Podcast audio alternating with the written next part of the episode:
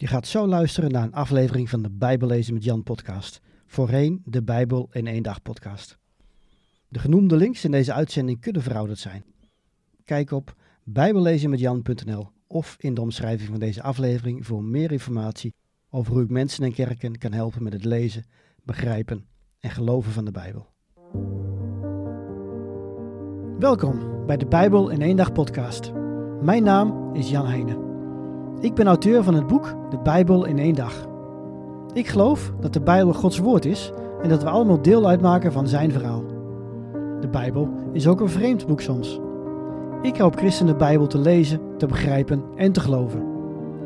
Op de Bijbel in één dag.com kun je het e-book De Bijbel in één dag gratis downloaden. Ook kun je de paperback bestellen of je inschrijven voor een van mijn cursussen of seminars.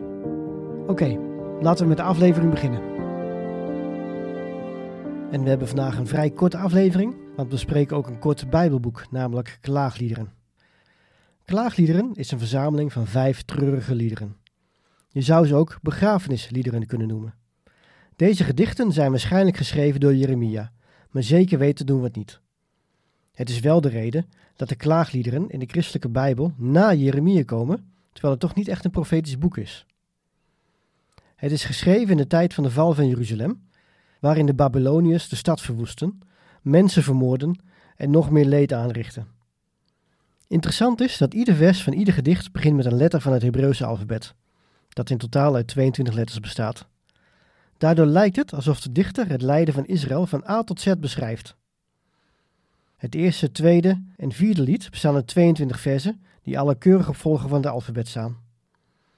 Het derde gedicht is eveneens op volgorde, maar dit is 66 versen lang, dus elke letter komt drie keer aan de beurt. En het vijfde en laatste lied bevat weer 22 versen, maar ze staan niet op volgorde van het alfabet, alsof de schrijver hier de weg kwijt was en de chaos in zijn hoofd regeert. In het eerste lied horen we van een weduwe, die later de stad Sion blijkt te zijn. Sion is een andere naam voor Jeruzalem. Ze is alleen en niemand troost haar. Ze bekent haar zonde en vraagt aan God om verlossing. Klaagliederen is een van de redenen dat de Bijbel zo uniek is. Welke almachtige God zou toestaan dat mensen zo over hem spreken? In het tweede lied wordt hij zelfs als vijand neergezet. Maar het bijzondere is dus dat God ruimte geeft aan deze emoties. Je mag ze uiten. In het hart van klaagliederen vinden we dus het langste gedicht, drie versen per letter. En we horen rechtstreeks van een eenzame man die spreekt over zijn lijden en zijn verdriet. Veel van zijn woorden lijken op andere passages uit het Oude Testament. Zoals de klaagzang van Job, sommige rouwgedichten uit de psalmen en zelfs stukken uit Jezaja over de lijdende dienaar. De man aan het woord erkent dat het lijden komt door de ontrouw van de mens. Toch geeft juist dit hem hoop. Als God zijn belofte al hield over de straf, dan zal hij ook zijn belofte over vergeving en verlossing laten uitkomen. Hij zegt: Genadig is de Heer, wij zijn nog in leven. Zijn ontferming kent geen grenzen. Elke morgen schenkt hij nieuwe weldaden. Veelvuldig blijkt uw trouw. Ik besef, mijn enige bezit is de Heer. Al mijn hoop is op Hem gevestigd. Goed is de Heer voor wie Hem zoekt en alles van Hem verwacht. Goed is het geduldig te hopen op de Heer die redding brengt. Dat vers wat ik net las, elke morgen schenkt hij nieuwe weldaden, wordt vaak geciteerd. Het is makkelijk om dit te zeggen als het goed met je gaat. Maar wat als rampspoed je treft? Toch is dat wat de dichter hier doet. Elke morgen schenkt hij nieuwe weldaden en dat zegt hij op het moment dat grote rampspoed over Jeruzalem is gekomen.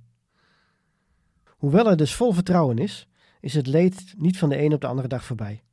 Eerst wordt in lied 4 het verschrikkelijke lijden tijdens de belegering van Jeruzalem beschreven. Aan de andere kant herinnert de dichter zich ook nog hoe mooi het ooit was. Dat maakt het lijden extra zwaar. En in het vijfde lied wordt gesmeekt om Gods genade.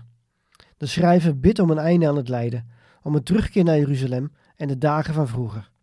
Er komt geen antwoord, geen laatste verlossend woord van hoop. Wel zegt Jeremia, of wie dan ook maar de auteur is, U Heer, U zit voor eeuwig op de troon. Het is alsof we ons moeten vasthouden aan dat gegeven. God zit op zijn troon. Hij heeft belofte gedaan van verlossing, vrede en herstel. Er zal een nieuwe koning komen. Maar tot die tijd maken we soms perioden van diep lijden mee. En juist daarom biedt de Bijbel ons zoveel houvast, omdat ook dat lijden beschreven wordt.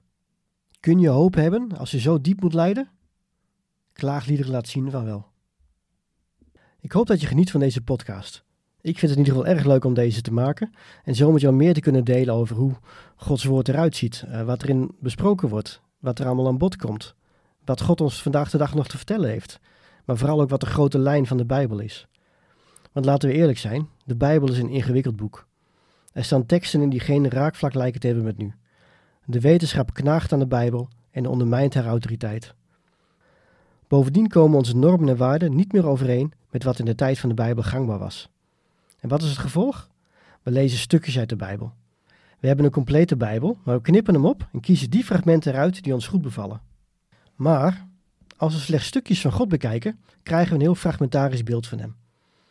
Het resultaat? We snappen Gods karakter niet, zijn plan is niet duidelijk en we kennen onze rol in zijn verhaal niet. En die verwarring maakt het weer moeilijk om christen te zijn en anderen over Hem te vertellen. Want wat heb je aan een complete Bijbel als je alleen maar stukjes kent? Om die reden ben ik zo dankbaar dat ik dit werk mag doen.